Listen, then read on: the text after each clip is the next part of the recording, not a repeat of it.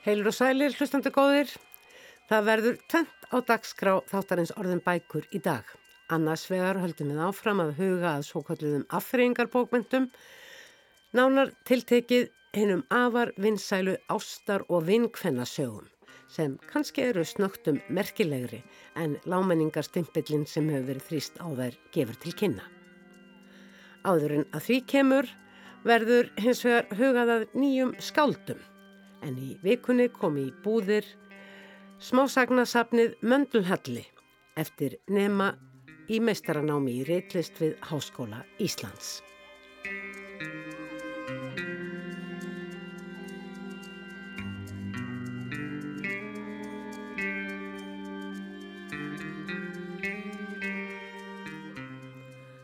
Það er alltaf spennandi að opna árlegt smásagnasafn meistaranum í reitlist við Háskóla Íslands en það hefur það syngt sig að fjölmarkir, jafnvel bara flestir, nýjir íslenskir höfundar síðustu árin hafa byrjað að móta skreif sín og skáldskap fyrir alvöru í reillistanámi við Háskóla Íslands sem Rúnar Helgi Vignisson réttöfundur hefur stýrt frá upphafi.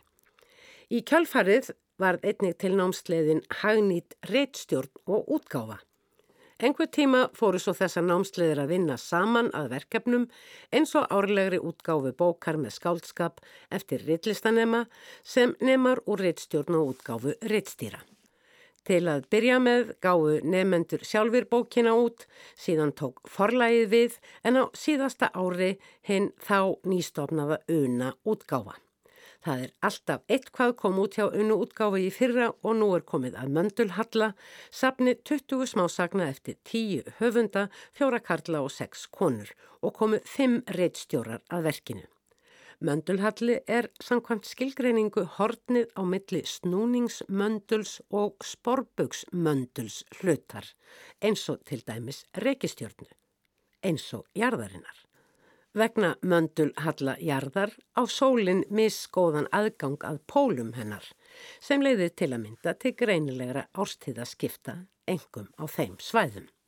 Þetta er nokkuð viðjandi titill á bók sem inniheldur marga texta sömu gerðar en ólíkar sögur sem sé nokkur möndul Halli þar.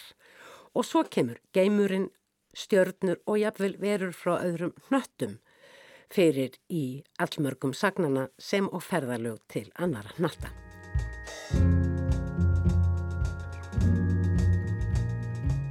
Hingað eru nú komnir tveir höfundar sem báðir eiga fleiri en eina sögu í smásagnasafninu Möndulhalla. Þetta eru Haugur Holmstæðsson og Rebecca Sif Stefánsdóttir og svo er hér líka Fannei Benjaminsdóttir, einn af reittstjórunum 5. Velkomin öllsumöll og til hamingju með þessa fallegu bók Takk fyrir. sem hún Elín Edda Þorsteinsdóttir hefur hannað svo vel. Það er árlegur viðburður í íslensku bókmyndalífi að segja má og hjá ykkur í reillistinni og á námsbreytinni reittstjórn og útgáfa líka að gefa út bók, yfirleitt smásagnasafn. Hafðu þið úr miklu meiru að móða þið í reittstjórninni? Þurftu það að svona velja til þess að fá það yfirbræð sem að þið voruð að sækjast eftir? Sko, í rauninni vorum við ekki mikið að velja að hafna sögum. Það kom fyrir að höfundar voru með fleiri sögur en kannski gafst rúm fyrir og þá vorum við svona kannski svolítið að hjálpa því en á endanum er það náttúrulega höfundar að ákveða hvað hann byrstir. Þannig að þetta er mikil samvinna millir höfundana og, og reittstjórnuna. Og það er kannski meira okkar hlutverk að vinna með höfundunum í sögunni heldur en að stýra sko hvað byrtist eða hvað byrtist mm. ekki. Mm -hmm. Þeir eru fimm, þetta eru tíu höfundar, skiptuðu þá með ykkur verkum eða voruð þið í hópum? Við skiptum með okkur höfundum og vill svo til að ég rittstyrja með báðum höfundunum sem eru hérna í okkur í dag. Þannig að þú þekkir þessar sögur þeirra högs og uh, Rebekku Sevjar mæta vel. Já, mjög vel. Mm.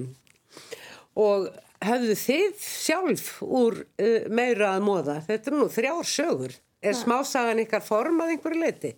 Uh, ég er reyndar út um allt formlega séð en ég dyrka smásögur og hefur alltaf skrifað smásögur þannig að ég ákvæði byrjun áfangans að skrifa sögur innan bara nýjar sögur mm. og hérna en ég sett einhverja gamlar með en við endum á því bara að velja nýjastu sögurna mínar sem að ég var þá að einbeta mér að, að yrði smá á skjön og kannski aðeins að skrifa inn í þemað á minnhátt mm. Og í mínu tilfelli þá, hérna, þá er ég líka bara mjög hérna smásagna forminu. Stökkva svona inn í atbyrðarás og, og krefja hana á punktinum að segja maður. Nákvæmlega og, og, og oft skilur svo mikið eftir hún gefur oft bara uh, einhverja smá hugmynd og síðan er einhvern veginn, liður maður í þeim heim einhvern veginn og stækkar hann heim sjálfur einhvern veginn þannig að mér finnst þess að lesandi hafa mikið að segja með, með svona sm- smásagna lestur eða þannig en þessar þrjá sögur sem ég er með uh, voru Jarðarför meira en vinabær og klórförin. Já, og uh, þetta er allt sögur sem ég var byrjaður á, eða hannig. Og það er oft með mig, ég er duglegur að byrja á hlutum heldur en að klára og þannig að ég nýtti þetta tækifærið alltaf til þess að, til þess að uh, klára þessar sögur og það vildi svo vel til að við vorum ákveðna kveikju til þess að hjálpa okkur að hafa einhverja smá svona samfellu í, í sögunum mm. þó, sé, að sé mjög mismandi eh, en þá var þessi kveikja að hafa eh, helst sögunar eitthvað á skjön í sögunum, eitthvað aðeins Eitthvað sem að færi svona kannski út fyrir uh, raunveruleikan, Já. uh, út fyrir mín vegna í stíl. Ég minnist Já. einnar sögu sem að sko greinilega er beinleginns að fást við, hún heitir Íringar þessi Já. saga, fást við veðurorð já, já, já, og þau eru bara þarna í hrönnum og tekst að halda þræði og, og gera þetta bara að, að mjög skemmtilegri sögu sem að hefur þannig séð ekkert með veður að gera. nei, einmitt, einmitt. En þið talið um tema. Hvert er temað? Sko, já, við kannski, við töluðum nú ekki um það sem svona kannski þema beint, en svona kveikju eða svona rauðan þráð. Það var eitthvað smá mótróð við að, að negla niður beinlinnins þema bara upp á að óttin var að, að sögunar yrðu á einsleitar ef við myndum negla niður eitthvað þema. Já, En það eru gerðist það allar út í eitthvað. Við vildum svona ekki þrengja of mikið af höfundunum. Bara það er eitthvað sem er á skjön. Já, Það er eitthvað okkur sem fannst hallar. líka bara Eitthvað sem hallar, Já. eitthvað sem myndar horn. Já. Einmitt.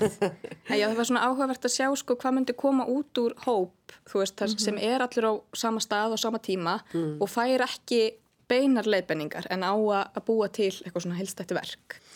Ég reyndi með mínum hætti þegar ég var sem lesandi að finna einhvern svona þráð. Það eru átök vinkvenna að koma svo litið við sögu og mikið, og það passa náttúrulega við þetta að vera á skjön, það er flug, að geta flóið, jáfnvel manneskjur að geta flóið og geimurinn og öðruvísi samfélög eh, verður maður aðeins eh, varfið og svo er daldið um samhengi lífsins. Einn sagan fjallar um arfgengi áfalla og uh, svo koma þarna fyrir nafnarunur að jafnvel sko sonur er fadur sinn og svo framvegis. En ykkar sögur þrjár eru hver annari ólíkar og ég byrjaði náttúrulega bara á byrjuninni þegar ég var að lesa og fyrsta sagan er eftir þig, Rebecca Já. opið hús. Mm -hmm. Hefst nú mjög hefðbundið, fallegt ung par er að eh, skokka af stað frá hérna eh, stúdendagörðum til þess að skoða íbúð sem það ætlar mögulega að kaupa. En það er vissulega ekki allt sem sýnist. Nei. því að þau uh, stunda þetta að segja má. Og uh, ég vil nú ekki kannski ljóstra miklu upp eða við sjáum til með, með það. Svo kemur síðar í heftinu eh, saga eftir það sem heitir bókasafnið Svo lítið hérna Torskilin saga um ungan mann sem er ekki á sérlega góðum stað, svolítið í sortanum, Já. en er nú samt að byssa við að skrifa rítgerð.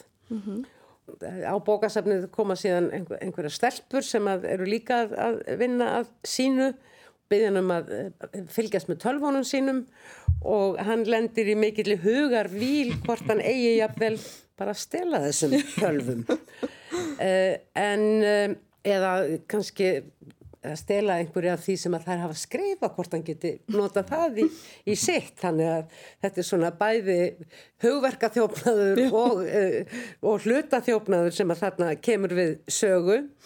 Reyndar gerist svo sem hvorugt en hann sopnar, missir tennurnar og uh, hérna, og þa- þar með eru stelpunar hortnar og tölvurnar með og hann ákveður að fara til tannlæknis. Segðu mér aðeins meira frá þessari Frá sögu. þessari sögu? Já, Já, það er margt sem að liggur undir yfirborðin í þessari sögu. Mm. Ég gef vísbendingar um hvað sagan er. Hann er klá klárlega í smá tilvistar krísu af því hann er einhvern veginn búin að missa alla vini sína. Það kemur í ljós. já, Það hefur komið eitthvað upp á. já, það er eitthvað sem var áður. Já, það er eitthvað sem hefur gerst. Hann er að reyna að vinna sig í gegnum það. Hann er eiginlega að vinna líka með hver hann er. Hvernig hann sér sig. Af Því núna sjá hann all, allir sem einhvers konar óvinn Mm, og hann jafnvel sem einhver þjóf. já, og núna er hann bara að íhuga að gera stjófur og já, hann á enga peninga ekki peninga til að fara til tannlæknis og mér langaði að vinna svolítið með þessar hverstagslegu upplifanir eins og að fara á bókasafn og einhver byði þig um að passa tölvutnar sínar. Mm. síðan fer fólki og kemur kannski ekkert aftur. Hvað gerist á í höfðinu á einhverjum sem er í algjörum kvíða og þunglindi? Að passa tölvurnar, getur hann farið? já, nákvæmlega, þetta er eitthvað sem Getur hann farið á klósettið jafnvel? já, þetta er svona þrjáðutikendar hugsanir sem ég var að vinna með. Og það er í rauninni kannski líka í, í þar sem að sko beinlinis uh, bara sterkar ofskinjanir uh, koma við, við sögu. já, Þannig að þín skjön, ef svo má orði komast, er í þessum tveimur síðastnemdu sögum, bókasafnið og login. Það tengjast sem sagt hugar ástandi Já. Og einhverju veseni með það á meðan kannski opið hús er svona miklu hlutbundnari og, og stendur fastari fótum í einhverjum ákveðnum raunveruleika Já. og er í rauninni ágætlega parodísk og svona svolítið að gaggrína aðstæður ungs fólks og samfélagið ekki satt. Jú, hún gerir það svo lítið. Ég fekk þessa hugmyndið mitt þegar við vorum að, ég og kærastinn vorum að leita í okkur íbúð. Við erum alltaf búin að vera först á stúdendagorðum eða í heimahúsum mjög lengi og fólk í dag er einmitt bara fast heimi á fórhundur sínum til 30 nánast. Þannig að mér fannst þetta að vera svona skemmtileg hugmynd að snúa upp á þetta einhvern veginn. Þau sé einhvern veginn, já, byrja að stunda að fara á opin hús og gera alls konar óskunda. Ekki beint óskunda, þau þau ganga alveg snirtilega um Já, það, en þau, þau stinga ymsu á sig Stinga jums á sig. og uh, þetta verður bara big business. Þetta verður það. Ég hérna myndist á það við ykkur núna bara þegar þið genguð í hús en það erum við bara rétt að fá bókina í- sem grip í hendurnar Mhm. öll sömul hvort þið hérna vildu lesa eitthvað uh, smá uh, í hvaða sögu vildu þú helst grípa niðri Ætti ég að lesa upphafið af opið hús? Byrjum kannski bara hér, grípum niður í fyrripartin af uh, opið hús þar sem að unga parið er komið á staðinn íbúð á meistaraföllunum, blokkar íbúð. Já. Við vorum forvitin, kíktum inn í alla skápa, dáðum stað upprunalegum innréttingum frá 1960 og rótuðum í gegnum skúffur meðan færi gafst. Við gáfum livjaskápnum inn á baðherbergi, sérstakann gaum, þegar fastegnasalinn var vant við látin að ónáða aumingja parið sem kom á eftir okkur. Þetta átti aldrei að ganga svona langt. Við leitumst ekki á leiðinni heim og lítum flóttalega í kringum okkur. Við vissum ekki þá hvað bjó innra með okkur. Þessi ósvífna þörf sem hafði brotið sér leið upp á yfirborðið á opna húsinu. Þegar við komum heim, læstum við á eftir okkur og lögðum ránsfengin á rúmið. Það var ekki pláss fyrir sófa í stúdjóíbúðinni. Fyrir vikið eittu við nánast öllum frítíma okkar upp í rúmi. Vasar mínir voru fullir af litlum fingurbjörgum sem eigandin hafði greinilega sapnað í tíu ára. Það verið öruglega verið lítil gömul kona. Kanski var hún dáin. Kanski var fjölskyldan að svelja íbúðina eftir langa legu greið konunar á líknardild. Mér var flögurt. Kærasta minn hafði gengið skrefinu lengra. Hann var með pilluboks fullt af giktarlifjum, nokkur spjöld af geðdeðarlifjum og ónótaðan tannbursta. Minn er orðið svolítið þreyttur, sagðan til útskýringar. Ertu lengi að skrifa svona sögu? Eh, Ég er yfirleitt snögg og hérna var geggjað að fá rítstjóðinu frá þeim því ég var alltaf að fjekk kommentin og bara drakk þau í mig og svo bara hérna, skoði, ég er búin að laga. Það var eiginlega alveg ótrúlegt sko að senda eitthvað svona aðtöðasemt sko sem var kannski stóra aðtöðasemt, svona grunn byggingar aðtöðasemt að kvöldi til. Og svo mætti Rebecca um morgunin bara með sko eitthvað neginn, eitthvað kabla eða þú veist eitthvað, eitthvað, eitthvað lag í sögunni sem að hafði ekki verið þar fyrr sko. Þannig þetta er alveg ástriða mín, mikil ástriða að skrifa. Þessa spánsögu var ég með í kollinu mjög lengi og þóruð aldrei að setjast nýra og skrifa. Ég held að allir myndi að halda að þetta var ég og kærastu minn. Eru ekki við. En hérna, þessi gæti klála að vera hans lengri ef ég hefði lift mér en í þessu sapni var hún fullkominn svona. Mér fannst bara svo aðtiklisvert að reyna að fylgja þeim frá uppað til enda á, þe á þessu stígi lífsins þar sem mm. þau eru alveg eiginlega svolítið í rugglinu greiðin. Þú ert mjög, og rauninni hinnum sögunum enn frekar, mjög þjætt upp við aðalpersonuna í sögunum, frásagnarmiðjuna og sérð heiminn svo litið með þess augum. Já, ég reyna að kafa svolítið mikið inn í hugsanir og einhvern veginn hvernig fólki líður og af hverju að gera það sem að gerir. Ég vinn svolítið mikið með þráhyggjikendar hugsanir og svona skrítnar and, andlega kvilla og skoða þá. Haugur Holmstæðsson, þetta komast þvílikt hver úr sinni áttinni, þessar þrjár sögur. Jarðarför er einhvers konar dystopísk framtíðarsaga. Mm -hmm. Þarna er fólk eða einhvers, einhverjar verur á ferðinni sem er komið utan úr geimnum til jarðarinnar sem er eins og ég reyndar í fleiri sögum orðin ónýtt og búin að vera lengi. Já. Þarna er umhverfisváinn svolítið viðverandi af því það allar núna loksins að deyja en það búið að lifa lengi. Já. Og svo er þetta þessi saga meira en vinabær sem er sumleitið táksaga um lífið lífið sem er leiðindi og smá bingo eitthvað svo leiðis en mjög raunsæðislega saga og nákvæm og svo er það klórförin þar sem er ungur maður sem er að horfa út um gluggan á klórför kattar í ösp, aspartré mm -hmm. og föglatnir sem að næri ekki til að því öspin er svo há þeir hæðast að honum mm -hmm. með gargi sín og söng en um leiðir hann líka að hugsa um uh, tíman sem hann átti sem hermaður í Afganistan Já. þetta er svona mjög óvenjulegt uh, tema að segja má í í íslenskri sögu. Það hernaður kemur nú ekki mikið við sögu og þetta er mjög samfærandi hjá þér. Já, það er uh, að miklu eitthvað þakka uh, góðum vinum mínum sem uh, var einmitt vann sem hermaður út í, út í heimi og hjálpaði mér með já, þessar svona, uh, svona vennjur og siði og, og hvað er gert og, og, og hvernig til dæmis það hljómar þegar að bissukúlu er hleyft af. Einmitt, einmitt. smellur brak kvellur Já, einmitt, einmitt. Mm. Já, mér eh, langaði að skrifa þá sögu af því að mér finnst svo magnað uh, þessi vinnu minn þegar hann kemur heim hvað hann uh, verðist í rauninni bara óbreyttur að þannig þess hvers dagurinn okkar á milli, samband okkar Já. breytist lítið fyrir utan kannski veist, hann er kannski komið breyttar skoðanir á, á pólitísk séð á, á, á réttmætti stríðsóka þannig en það er sami fýblegangur í okkur, það er sami hverstaðsleiki og þannig að mér fann svo heitlandi að reyna að draga fram hver hverstagsleikin er þarna úti, mm. veist, á, milli, á milli stríða eða þannig og, og hvernig hann breyti slítið, hvernig hann er aftur komin í mm. sama farið einhvern veginn það var eitthvað sem heitlaði mig og mér langaði einhvern veginn að ná þeirri tilfinningu einhvern veginn neyri mm. í sögu sko. og svo er, er eitthvað sem að kittlar mann þegar maður hugsaður um þessar aðstæður kattarins beinlínis úti í gardinum sem er að reyna að komast upp í tréð til þess að ná sér í gómsætan bytta mm. en klórar bara í yfirborðið og mm. þarna eru förin svo að fella aspirnar og þá, þá hverfa þessi spór -hmm og ennum leið kallast þetta á við ör sem hann er svolítið upptekin af. Já. það er ótrúlega margt í þessari sögu. Þú hlýtur nú að hafa verið svolítið stund að skreifa hana.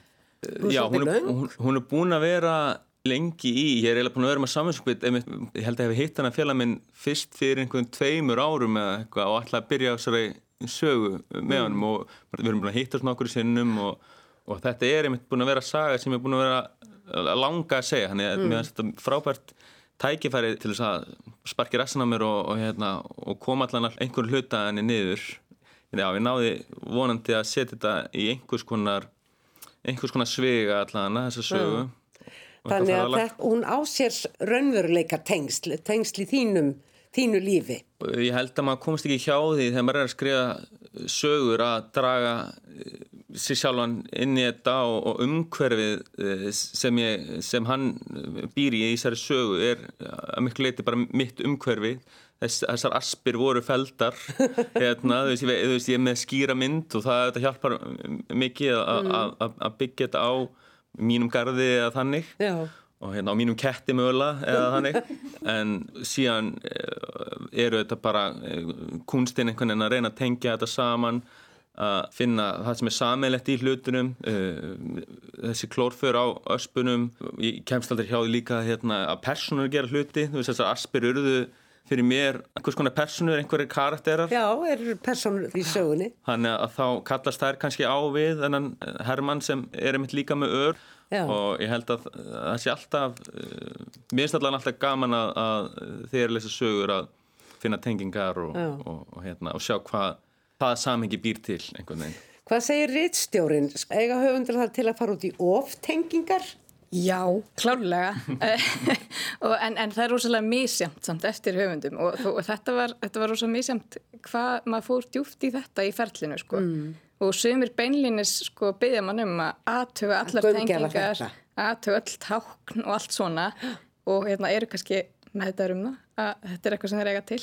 En mér finnst þetta mjög skemmtileg hlið sko. Og ég man, þegar ég las þessa sögu fyrst sko klósförun þá hérna, þá fekk ég svona kýll sko yfir þessari uppstillingu á hérna, stríði og húsfundi. Mér finnst það alveg rosalega skemmtilegt. Að hérna, já, þannig að það er alveg eitthvað smáða til að gerast.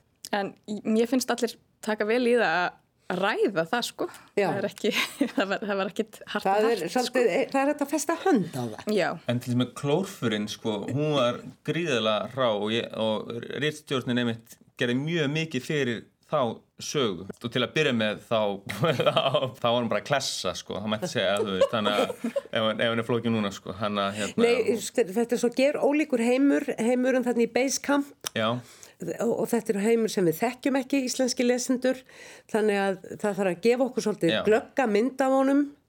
En eins og er þekkjum við vel að horfa út garð og sjá tre mm. og jáfnvel dýrketti og hvaðina og og þetta er þekkt vandamál með að aspir vaksi úr sér og það þurfa að fella þær og svo framvegis.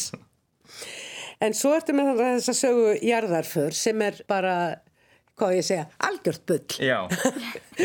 Algjör fantasia. Ég, hérna, ég, ég mani hvað hann heitir, eftirnafnaðan með Krás held ég, eh, sem skrifa bók sem heit Alheimurinn úr engu. Þetta er svona fræði bók það sem hann fjallar um uh, þessar hugmyndir um hvernig alheimurinn geti orðið úr engu og, og, og, og í henni talar hann um til þess uh, aldurstíma jarðar og aldurstíma geimsins og hvernig hann virkar. Og það er, mér fannst ótrúlega mikið af kveikjum í, í þeirri bók, fræði bók sem var mjög svona samt aðgengileg um, til þess hugmyndin um að, um að alheimurinn sé þennjandi og að sólkerfin eru að fjarlægast og bráðum fjarlægast það er á meiri hraða heldur en ljósið mm. þannig að við förum að missa stjörnunar en það gerist ekkert fyrir en að það gerist ekki á morgun nei, nei, nákvæmlega en þessi hugmyndum að þetta sólinn gleipi jörðina á einhverju tíumbúndi mm. það sem er heillandi og þó hún sé lesi núna kannski í samingi svona náttúruvár og eitthvað þannig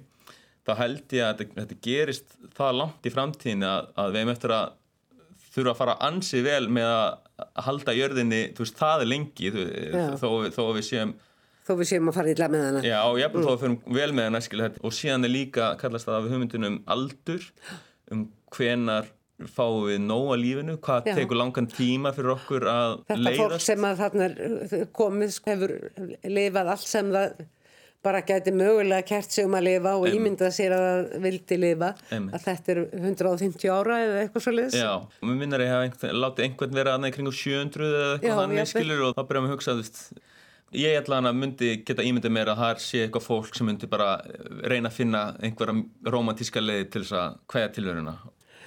Og hvernig komur svo þurra og hvað heitir hann Hannes Bara Hannes, já. Eh, það er örugglega eina fáu sögum það sem að ég hef eh, bara ákveðið að setja sniður og byrja að skrifa bara eh, eitthvað hvort ég hafi örgulega keirt fram hjá Vinnabæ á, me- á leiðin á kaffihúsi eða eitthvað Skrifar á kaffhúsum. já, ég er henni að gera það eh, komast úr húsi og eitthvað já, og Það oftast gerist í vinnabæ. já, nákvæmlega, oftast er ég með einhver hugmynd þegar ég eh, er sestu niður og, og reyna að vinna úr henni en þarna uh, prófa ég bara að, byrja og sjá hvort hún endaði og ég held ég hafi skrifað hana frá byrjun til enda í einum rikk uh, en síðan held ég að hafi hlaðið eitthvað á hana núna fyrir þessa útgáfu Já. Reykjarkófið var frá upphafi.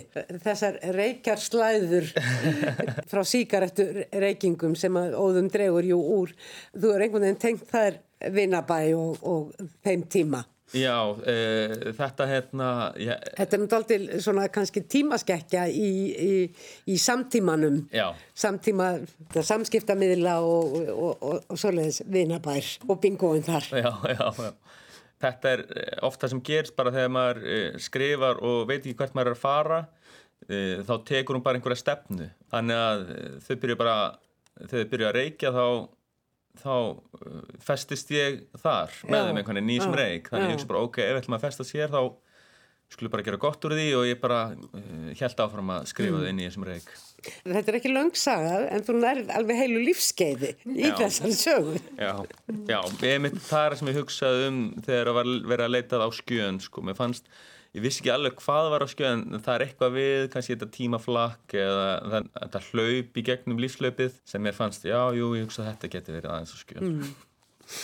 Einmitt. Úr hvaða sögu langar þig að lesa? Ekki bara einhver hluta klórfurunum. Já, já. Á morgun er húsfundur í fjölbýlishúsinu þar sem ég er nýfluttur inn. Á dasgrá er hvort eigi að fella aspinnar með klórfurunum í karðinum. Gömul löfblöða trjánum stípla þakrannar og rætunar hótað sprengja upp hellunar í portinu, rétt eins og það reyð upp stjettina sem var þar áður. Trén eru að eigna sér þetta port, þetta frímerki, þetta litla andrými innan um fjögur að hæða fjölbýlishús í miðbænum. Fyrst þarf að fá leiði frá konunni sem á lóðina. Hún leiðir út íbúðurnar og hugsaður ekkert um garðin. Lóðamörkin eru skýr svo að jafnvel ósleiði grasið gerist ekki líklegt til þess að læðast upp á hellukantin. Allt virðir landamærin nema kettirnir sem gerðu klórfurinn á aspinar. Þeir eru hafnir yfir öll mörg. Ef aspinar hverfa, hverfa klórfurinn með. En einnig fugglanir sem freista kattana. Löfblöðin sem teppæleggja garðin með gulu á hustin og rætunar í jörðinni sem fremja sín hriðjuverk, hægt og rólega. Þær munu kapna í moldinni þegar vélsög fjarlægi lungu þeirra. Af moldu eru þær komnar og af moldu skulu þær verða. Ég verða að muna að taka mynd áður en aspirnar verða feldar. Svona fyrir kettina sem kannski vilja eiga minningar um klórfurinn sín. Takk fyrir kærlega. En eins og ég segi, þetta er mjög skemmtileg eins og þessar bækur eru yfirleitt. Það er mjög gaman að lesa þetta. Svo ólíkar sögur koma úr ólíkum áttum og með ólíkum stílbröðum, ótal personur og uh, svo líka bara er þetta sínuleiti eigulegu greipur. Hvað verður nú um ykkur? Verður stór og fræk skál? Sendi frá ykkur margar bækur. Var, var eitthvað sem að kom þér svona verulega óvart í, í þessu ferling? Sko, ekki þannig, en, en þú veist, það var margt sem var rosalega misjamt og það kannski kom mér helst á óvart hvað, svona hver saga var einstakt ferli, sko, að fara í gegnum hana. Og líka bara, þú veist, misjafnar í eðli sínu. Sumstaðar þurfti að fara rosalega mikið í, eins og ég segi, táknin og allt þetta, mm. annars staðar ekki. Þú Veist, þetta, var, þetta var rosalega ólíkt ferli og náttúrulega ólíki karaktera líka og, og hérna mismunandi, þú veist, hvernig maður ber sig að. En það var engin saga sem alveg fór með mig, sko. Nei. en skemmtilegt ferli og, og staðfesting á því að þú hafir valið rétt að velja rétt stjórn og, og útgáð sem námsleið. Já, algjörlega.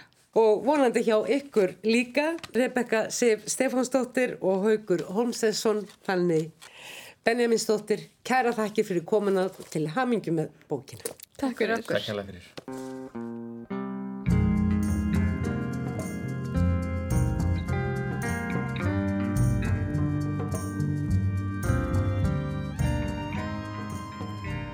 Í síðasta þætti var rætt við Rósu Gísladóttur, útgifanda íslenskra þýðinga og svo kallum Harlekin bókum á Íslandi. En það er ganga undir sapneitinu Rauðu ástarsögurnar hér. Þegar hugsaðu til þess að þessi alheimsreisi í bókaútgáfu Harlekin Enterprise hefur 1,17% markast hlutdeild á heimsbókamarkaði, þá hlýtur eitthvað að vera við þessar bækur. Rósa nefndi í viðtalinu einhverjum tvent nefnilega að allar sögurnar fjöldluðu um ást sem sé ófrávíkjanleg í lífinu og að þær enduðu allar vel. Þá skiptir máli saði Rósa að sögurnar veri skrifaðar þannig að personurnar væru ljós leifandi í aðtöfnum sínum Dagni Kristjánsdóttir bókmyndafræðingur benti svo á í viðtali einnig í síðasta þætti að þótt hlutverk kynjana væri gerðnan samkvæmt hefðin í þessum sögum þá fælu þær í sér ákveðna uppreist. Þó ekki væri nema bara vegna þeirrar staðrendar að á meðan kona sökvir sér ofan í lestu þeirra þá er hún ekki til taks fyrir eigin mann og börn að láta þjóna sér. Í raun eru hér á færðinni fantasíur eða öllu heldur ævintýri þótt umgjörð og aðtapnir séu raunsæðislegar. Frásagnarteknin í þessum sögum er og þraudreind og má reykja langt aftur í aldir og því ekki að undraða henni sér beitt í hverskins afþreyingarbókmentum sem slá sölumetum allan heim eins og í bókum Jenny Colgan um litli bókabúðin í Hálöndunum og bakarið við strandgötuna og fleiri og fleiri bókum. Jenny Colgan var 28 ára árið 2000 þegar hún sendi frá sér sína fyrstu skáltsögu, Amanda's Wedding og þá virðist ekki hafa verið aftur snúið. Bækurnar beinlinis flættu frá henni, að minnstakostu eina á ári en líka stundum tvær og þá oftast í serjum. Bókaútgáðan Angustúra sem var stopnuð árið 2016 var fljótan á sér í réttin að genið í kolganbókunum og hefur nú gefið út í íslenskri þýðingu Inguna Snædal að minnstakosti sjö bækur um margvísleik bras og ástaræfintýri á ymsum stöðum á Breitlandi og eigunum þar undan. Ég greip nýlega í hönd nýjustu bók Jennyar í íslenskri þýðingu. Á fjallæri strönd heitir hún. Þetta er stutt skáltsaga um kennslukonuna Lornu sem býr í hennu agnar smáa bæjarsamfélagi eigarinnar mjúr. Bókin hefst og ekki þar heldur á einhvers konar skráningarstöð fyrir flottamenn þar sem læknarinn Saíf frá Sýrlandi er frásagnarmiðjan. Saíf er augljóslega búin að ganga í gegnum miklar þrengingar á flotta sínum frá stríðs átökunum í heimalandinu. Ekki nákvæmlega frá því greint í hverju hann hefur lend en það hvernig hann veit hvað til hans friðar heyrir gefur til kynna að hann hefur oft staðið í skráningu af þessu tægi. Og það hellist yfir hann sorg. Engver staðar er sæf spörður um fjölskyldu og svarar við urðum viðskila og getur svo ekki sagt meir fyrir en hálfreiflað síðar á bátnum. Það þarf ekki fleiri orð Hinn vestræni lesandi veit allt um hryllilegar bátsferðir flóttamanna yfir hafið úr sjónvarpinu og öðrum fjölmiðlum. Þannig virkar skálskapurinn. Lorna er hins vegar heima í mjúr og pappi hennar með stöðugan höfðverk. Það er erfitt að komast að hjá eina lækninum sem er orðin gamal en það fást engir nýjir læknar. Fyrir en Saíf er bóðið að fara til mjúr. Það þarf varðla að taka fram að Saíf er ákallega myndarlegur og Lorna augljóslega líka frekar sætt. Og jú, það kviknar eitthvað á millið þeirra. Enda þarf Lorna að leita til læknisins, ekki bara með föður sínum heldur líka sjálfra sín vegna. Því það kemur að því að hún verður örþreytt af álæginu við að sjá um veikan föður sinn og sinna starfi sínu sem kennari í lók skólaárs.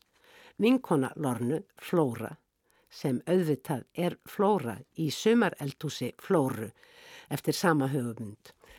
Reyndar stendur beinlinis aftan á bókinni á fjallari strönd að svo saga sé hliðarsaga og þriðja bókin af fjórum í bókafloknum um flóru og sumareldúsið á mjúr.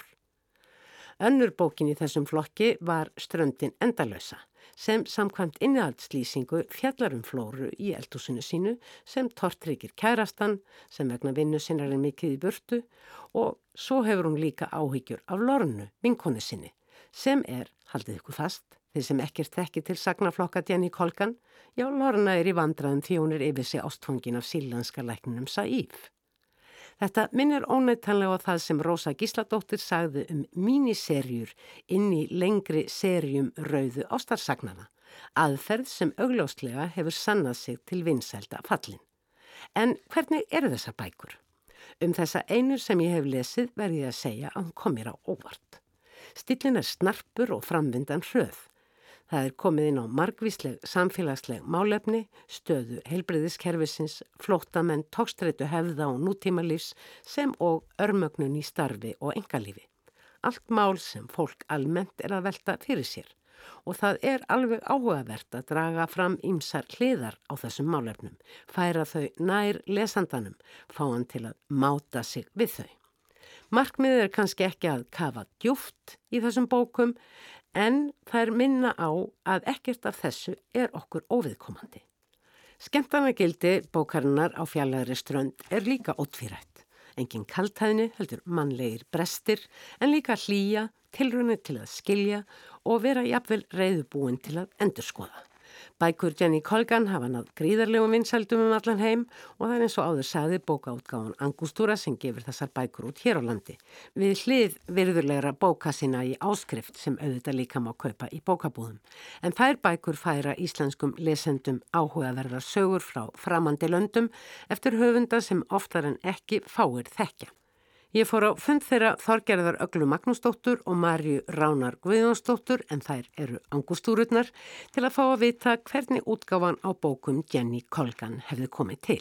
Uh, sko okkur langaði að gefa út bækur sem að við sjálfar höfum mjög gaman að og svona bækur sem að okkur fannst sko vanda í raun og veru í flórunna. Mm. Og þá svona fóru við kannski bara í svona sitt hvort hodnið í raun og veru. Annars vegar sem sagt með Jenny Kolka sem er svona kannski það sem almenntir tali vera svona léttara efni og, og svo hins vegar með þessar sem að flesti þekkja sem bækur í áskrift sem eru bækur sem, sagt, sem að hérna eru, eru meira svona alvarleiri bókmyndir mm. og, og hérna eru eftir höfunda að fara svona fjarlægari hótnum heimsins mm. og þetta tvent fannst okkur svona vanda inn í og svo eru þið náttúrulega líka með batnabækur að segja má í þriðja horninu og eh, svona, já, getum við sagt að myndabækurnar eins og vikti í saganum fyrsta konufósettan og, og fugglar séu í fjórðahorninu. Fjórðastóðin. Fjórðastóðin, já. Uh, við byrjuðum með þýðingar engöngu, svo hófum við samstarf við Rán Flýring og Hjörlef Hjartarsson, fyrst með fugglabókinni og svo hefur svona aðeins verið að, aðeins verið að bætast við hjá okkur íslenskir höfundar mm. og svo, svo nefnir batnabækur, þýta batnabækur, gæða batnabækur sumar tekstabækur og aðrar eru líka með teikningum Hvernig kynntust þið Jenny Colgan? Er þið svona strandlestrar pýr? Ég verðilega að gefa öllu allan kreditinn af Colgan Við vorum alveg ákannar í upphafi að gefa út bókmyndir í þýðingu frá fjarlægilöndum, það var eitthvað sem við brunnum báðar fyrir. En svo var hún, hún var bara búin að greina markaðinn. Það var algjört gat, það var ekkert að koma út akkurat svona, þetta er svona meðsölubækur í léttari kantinum og svo prófum við fyrstu bókinu Littla bakar yfir strandgötu sem er náttúrulega kápan er svo dásamlega fallega og hún svona, við þurftum auglýsa hana, hún bara seldi sér sjálf. Dásamlega ljúf og notaleg Akkurat og það greinilega var eitthvað sem vantaði og, og þannig að hún hitti bara algjörlega naglan á hafið með þetta. Tókst þú bara eftir því að já, þessa bækur seljast vel í útlöndum, er hljóta seljast vel hér eða eh, varstu búin að lesa þetta? Ég var búin að lesa aðeins sko en ég þekkti þessar tegundi bókmynda svo sem ekkert sérstaklega vel. Maður hefur verið meira í svona alvarlegri mm. litteratúr en eh, maður, maður er svona alltaf eitthvað að rannsaka búin að fylgjast með hinn og þessu uh, einhverjum bloggum uh, hvað einhverjar útgáfur er að gefa út sem að maður svona kannski fylgjast með. Og svo líka svona, með minnir að hafi líka verið að ég hafi verið að fylgjast með einhverjum lesendum og kannski einhverjum vinnum mínum í útlöndum eða kunningum á Instagram til dæmis að sjá hvað þær voru að lesa. Og þær voru margar að lesa sömu bækur og ég og Jenny Colgan þannig að ég kannski sá að þær voru að lesa hérna Donnu Tart einhverju á Dórand eftir hana og Jenny Colgan. Og ýmsar aðra bækur sem ég var að lesa og Jenny Colgan. Og ég hef sagt hver er Jenny Colgan? Og fór að kíkta á það og ég algjörlega sogaðist inn í þetta. Svo kom hann er svona pínulítið og óvart. Af því ég hafði ekki verið að lesa þessa tegund bókmynda svo mikið áður eh, kannski bara því að maður kemur úr einhverju svona bókmyndanámi og ég var áður að vinna svona svolítið við að kynna íslenska bókmyndir ellendis þannig að það kannski bara hafði ekki verið svigurum til þess að kíkja mm. þessar á já, ég bara einhvern meginn algjörlega var alveg hilluð og, og ég sagði, Mari, ég, hérna, ég var að lesa þessu bók, þetta er nú öðruvísi og, og, hérna, og hún lasi þetta og alveg það sama og kom þér á óvart líka bara að fíla þetta eða hvað, hafið þú lesið eitthvað svona mikið á þér eða? Nei, alls ekki. Og það kom mér óvart skemmtilega og bara hún gerir þetta svo vel, hún Jenny Kolkan. Svo í framhaldinu höfum við lesið bækur eftir fleiri höfunda og verið svona að hugsa ég var bæta við öðrum höfundi í þessum flokki mm. og það er náttúrulega bara misvel gert eins og í öllum flokkum bóka að það þarf að leita að því líka þannig að hún, það er ekkit skrítið að hún sé svona vinsel, hún gerir þetta mjög vel maður fer þangað, maður fer í þessi þorp og maður er á staðinum allan tíman þetta eru skemmtilegar týpur og það er eitthvað mjög bara svona mannlegt og notalegt við þetta. Þið talum um að þetta hafi komið ykkur á óvart hvað í rauninu þetta er vel gert.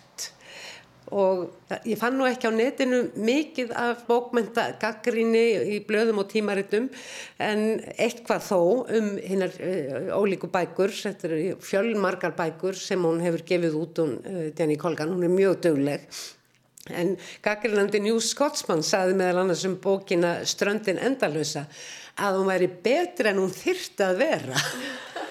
Já, þannig að sko, fyrri bókin í þeirri sériu eða fyrsta er Sumareldus flóru og svo er það Ströndin endalösa og svo fjallari Strönd sem var að koma út núna og svo kemur einn svona jólabók út í lokásins ég er mitt hugsaði sko, hún er svona já, hún er, hún er orðin betri hvað sem það nú þýðir mm. sko, það er svona aðeins aðeins meira kannski kjött og beinunum og eins og, eins og þú talaðir um sko í nýjustu bókina sem hefur verið að fjalla um sko flótamenn og, mm. og, og Sýrland og svona og þetta er svona verða ögn alvarlegra en samt ekki of þetta, þetta sem að einkennir hennar með hún ofgerir okkur lesendum ekki með þeim, uh, þeim hryllingi sem að uh, uh, til dæmis uh, flótamanna vandamálinu fylgja heldur yfir okkur sjans á að nálgast það. Og það fannst mér eiginlega daldið merkilegt í þessum texta í þessari litlu bók þegar hún er ekki náma rétt rúmlega hundra síður. Já, já hún, hún gerir það sko. Kannski líka bara hún er svo flott hvernig hún sko tekur raun og veru þann uh, raunveruleika og samtíma sem við þekkjum og svona prjónar síðan sitt svona ævintýri í raun og veru inn í það. Að því að allt eru þetta sögur, ástarsögur en ekki bara ástarsögur heldur líka sögur um konur sem eru svona svolítið að finna sig finna sinn stað og, og læra svona að treysta á sig mm. og byggja sig upp. Eins og í bákunum með litla bakarið það er ung kona sem að byggja upp bakari byggja upp sinn rekstur og það er sama eins og í sumareldursunu, þar er flóra, þar kemur hún og byggir svona upp sinn rekstur. Mm. þannig að það er svona læra að finna svolítið til sín og ástina. Það eru sjálfstæðar, það er ekki einhver karlmaður sem kemur og bjargar þeim eða kaupir eitthvað fyrir þær. Þær bjargar sér sjálfar og það eru bara svona sterkar konur en samt líka bara svona mm. vennulega konur, þannig að maður getur bara maður getur sett sér í sér spór og þær eru fyndnar því að þær eru mjög mótsagnarkendar Já hún er líka ekkit að taka þessu of alveglega sko, þannig að þetta verður svona svolítið flippað á köplum sko, alveg, sem er líka skemmtilegt. Mm. en það er líka hlutaði að minna mann á að þetta er líka ævintýri. Í ævintýri má gera alls konar svona eitthvað sem að maður hugsa, hæ, er þetta nú sennilegt, en svo hugsa maður hæ, þetta er alltilega, þetta, þetta er Jenny. En þið myndust á að að þetta veru bækur svona um lífið eins og það er núna og Jenny Colgan eh, hefur verið að skrifa bækur núna í, eh, tæp 20 ár Já, eitthvað svo leið sko svo mm. náttúrulega hefur hún átt önnur líf sem rittuðundur hún hefur skrifað mér að segja fyrir Dr. Who sem að sumir, sumir þekkja sko mm. en í þessari tegund bóka, já, allir þess ekki komið svo langu tími, jú Vitið þið hvernig þessa bækur hafa elst? Þetta er náttúrulega ekki lagt upp með þetta sem klassík Nei, alls ekki held ég. Kanski mynd af tíðaranda? uh, það sem ég hef lesið fyrir utan það sem við höfum gefið út já það er svona sumt sem maður hugsa bara, ég held hún myndi ekki skrifa þetta í dag en, en alveg skemmtilegt en kannski svolítið svona sumt er hérna svolítið svona ég veit ekki hvernig það á pinguliti gróðara kannski sumt en um leið svolítið svona bara flippaðra mm. þetta eru svona konur sem líka hafa gaman að lífinu þannig að þær kannski fara á bæjarkrána og þú veist, þetta eins í það og lendi einhvern þannig æfintyrum sem að margir líka kannast við sko. þannig að það er kannski aðeins meira þannig í fyrirbókar með samt ekki þetta er svona, hún býr alltaf til einhvern æfintýri í gegnum eitthvað svona eins og sumareldús, bakari í einni serju er það nammibúð Bridget Jones, bækurnar um hana voru kannski svona upphafið að nútíma gerð uh, rauðu ástarsagnana ekki alveg fullkomin kona uh, en ástinn verulega uh, í brennideplis sem kjarni lífsins og þetta eru gríðarlega vinsalara bækur og, og, og voru kvikmyndaðar. Og síðan er náttúrulega hún Sophie Kinsella sem er mjög skilst að þið ætlið að fara að gefa út. Hún er náttúrulega svona við hliðdjenjar kolgan skvísubóka íkon. Og hún byrjar alveg árið 1995 og þá undir öðru nafni og, og það tekur hana svolítið tíma að koma fram mentuð í heimsbyggi, stjórnmálafræði og, og hagfræði en það síndist mér eins og fyrstu bækurnar fjalluði aldrei mikið um svona ríkt fólk og fjárfesta sem skindilega missir allt og allt fyrir bál og brand og hvem að vita hvað. Og svo er það náttúrulega slóin algjörlega í gegn með bókunum um kaubalkan sem að tværa þeim hafa ju komið út hér á landi og náðu eh, vinsældum. Ég þekki ekki þessar bækur og hef með kannski nefið aðeins upp í loftið gengið fram hjá þeim en þið ætlaði að fara að gefa þeir út. Já, eins og ég nefndi áðan að þá höfum við verið að skoða aðra höfunda í sama flokki og þegar við komum svo að Sofí Kinsella að þá gerðist það saman sem heit Jenny Colgan. Maður bara las eina bókina fætur hverja bókina fætur annari og hún nær manni alveg en hún er ekki eins og Colgan. Við vildum líka finna höfund sem er öðruvísi en þótt að það sé léttar bókmyndir mm. það er samasamt kannski í því það er líka sjálfstæðir unga konur. Þær eru kannski ennþá fyndnari en Jenny Colgan. Það er meira á svona vandraðlegum augnablikum, aðstæðum. Parodískari, jafnvel? Já, jafnvel og hún hefur einmitt eins og þú nefnir skrifað mjög marga bækur og þessar nýjustu bækur hennar sem við erum að fara að gefa út eru svona svo kallar stand-alone novels. Þær eru ekki serja en þær eru þær, ég myndi líka að segja að þær veru nútímalegri en fyrir bækurinnar og eins og þessi sem við ætlum að gefa út núna hún heitir Mitt ófullkomna líf óið er í svega af því að hún er alltaf að láta lítið út fyrir að það sé fullkomið og það kannast nú margir við það að fagra með filterum og öðru á, á samfélagsmiðlum. En það er eh, já, hún læti lítið út fyrir hún sé alltaf út að borða, alltaf á flottum kaffús hún sé að vinna svo mikilvæg að vinna og meðan hún er að, að skrá niður, niðurstöður úr könnunum hjá, hjá svona uh, eins konar ölsingastofu eða þetta er svona ímyndar já, svona ímyndar markandi fyrirtæki. Mm. og og hún býr í einu herberg, hún býr í London draumur henn að bú í London en hún leir með alls konar típum og þetta er allt mjög erfitt hún á engan pening og hún bara láta enda ná saman og býr lengst frá vinnunni. Þannig að en lætu lítið út fyrir þetta sé rosa spennandi og hana langar til að fá tækifæri. Og svo er þetta svolítið svona rakfalla saga en svo gerst eitthvað, ég vil ekki gefa mikið uppi en hún er samt svona eins og mér finnst einnkjanna líka kolgamnið, þetta eru svona sjálfstæðar unga konur sem að ákveða svo svolítið sín eigin örlug mm -hmm. Þetta er kvartning en lígur engu til um brasið sem að, nei, alls, sem að lífið er. Já, nei, alls ekki. sko. hún, er, hún er alveg segil hlutina alveg, þetta er alveg miskunnulegst sko. Sofí Kinsell hefur sagt sjálf henni fyrir svo gaman að skrifa þessar standalón bækur því að það er, það er rómans.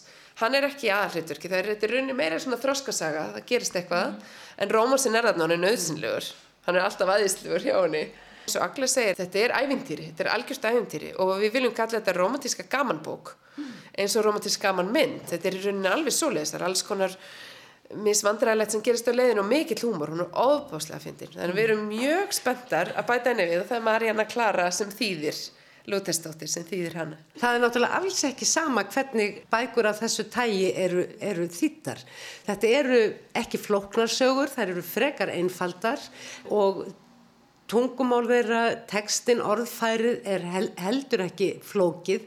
Það er ekki verið að kenna einhverja stóra hluti eða, eða bera fram stór sannindi þannig að, að þýðingin má ekki fletja þetta út. Nei, það verður að halda svona búblinu aðeins í stilnum eins og er svolítið hjá, eins og hér svo kynsellu til dæmis Já. þetta er svolítið svona léttleikandi og, og hérna og það er, það er svolítið mikill svona húmor mm.